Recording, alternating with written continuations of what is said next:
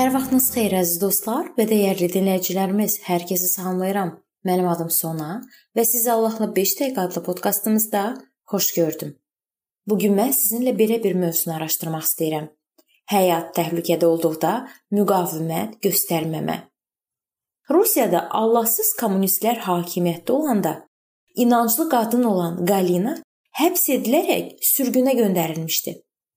Ağır əmək və pis qidalanma onun zahiri görkəmini elə dəyişmişdi ki, hətta köhnə dostları da onu tanımaqda çətinlik çəkirdilər. Səhər tezdən məhbuslar sıra ilə baraklardan iş yerlərinə gedirdilər. Axşam düşəndə isə eyni qaydada sıra ilə baraka qayıdırdılar. Hər dəfə onları silahlı nəzarətçilər müşahidə edirdilər. Bu dəfə axşam Qalina bacı işdə elə yorulmuşdu ki, ayaqlarını güclə çəkirdi. Bu zaman zabitlərdən biri ona hücum edib təpi ilə, silahın qundağı ilə vurmağa başladı. Qadın ağrıdan əzab çəksə də pıçıltı ilə Allaha dua edirdi. Ondan bu zabiti bağışlanmasını istəyirdi. Külək onun sözlərini zabitin qulağına çatdırdı. Birdən zabit bu səsi tanıdı.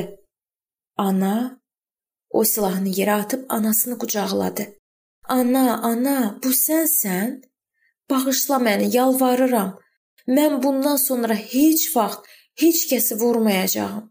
Heç vaxt mühafizəçi işləməyəcəyəm. Bu gənc Rəbbə üz tutdu. Sonradan inancına görə başına müsibətlər gəldi.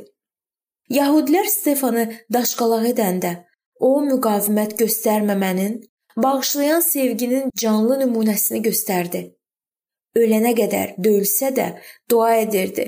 Ya Rəbb, bunu onlara günah sayma. Həvarilən işləri 7:60. Hakimiyyətin təhdidlərini eşidən Peter və Yəhya hörmətlə də olsa, qorxmadan insana deyil, Allaha itaat etmək daha vacibdir. Deməklə səmavi hakimiyyətə sədaqətlərini nümayiş etdirirdilər. Sonradan təqiblərə məruz qalan Peter yazmışdı: Əgər biri Allah qarşısındakı vicdan naminə haqsız yerə əzab çəkib kədərə tab gətirirsə, bu tərifə layiqdir. Axı etdiyiniz günahlara görə döyülsəniz və buna dözsəniz, bu sizə nə şərəf gətirər? Amma siz yaxşılıq etdiyiniz üçün əzab çəkib dözsəniz, bu Allah qarşısında tərifə layiqdir. 1-ci Petr 2-ci fəsil 19-20-ci ayələr. Birinci Dünya müharibəsi illərində ABŞ-da orduda qulluğa yararlı sağlam gəncləri cəbhəyə yollayırdılar. Dini inancına görə cəbhəyə getməkdən imtina edənlər hərbçilər tərəfindən işgəncələrə məruz qalırdılar. Hətta bir neçə gənc bu səbəbdən həyatını itirmişdi. 1917-ci ildə gənc bir Amiş şərə müqavimət göstərmədiyinə görə hərbçilərlə ciddi münaqişə yaşamışdı. Serjant rütbəsi daşıyan Mr. Croft gəncin ona serjant deyil, sir deyə müraciət etməsindən çox qəzəblənir. Bunu özünə qarşı təhqir hesab edirdi. O, dini inancına görə hərbidən yayınmaq istəyənlərə nifrət edir, əskərlər isə onu sevmirdilər. 1918-ci ildə Dünyada ispan qripi yayılmağa başladı.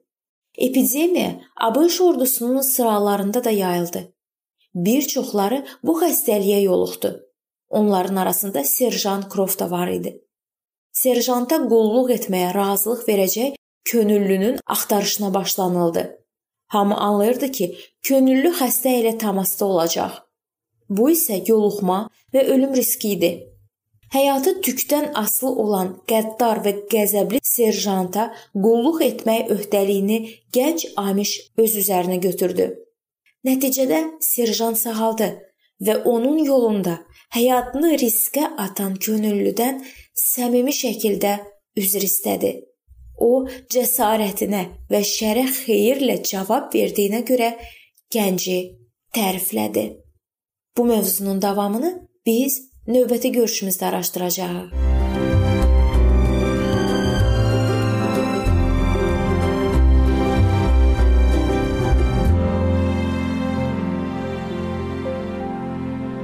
Beləliklə əziz dostlar, bu yerdə bu mövzu sona çatdı. Hər zaman olduğu kimi sizi dəvət edirəm ki, bizim podkastlarımızı Facebook səhifəmizdən və YouTube kanalımızdan dinləməyə davam eləyəsiniz. İndi isə mən sizinlə sağollaşıram və növbəti görüşlərdə görmək ümidi ilə sağ olun, salamat qalın.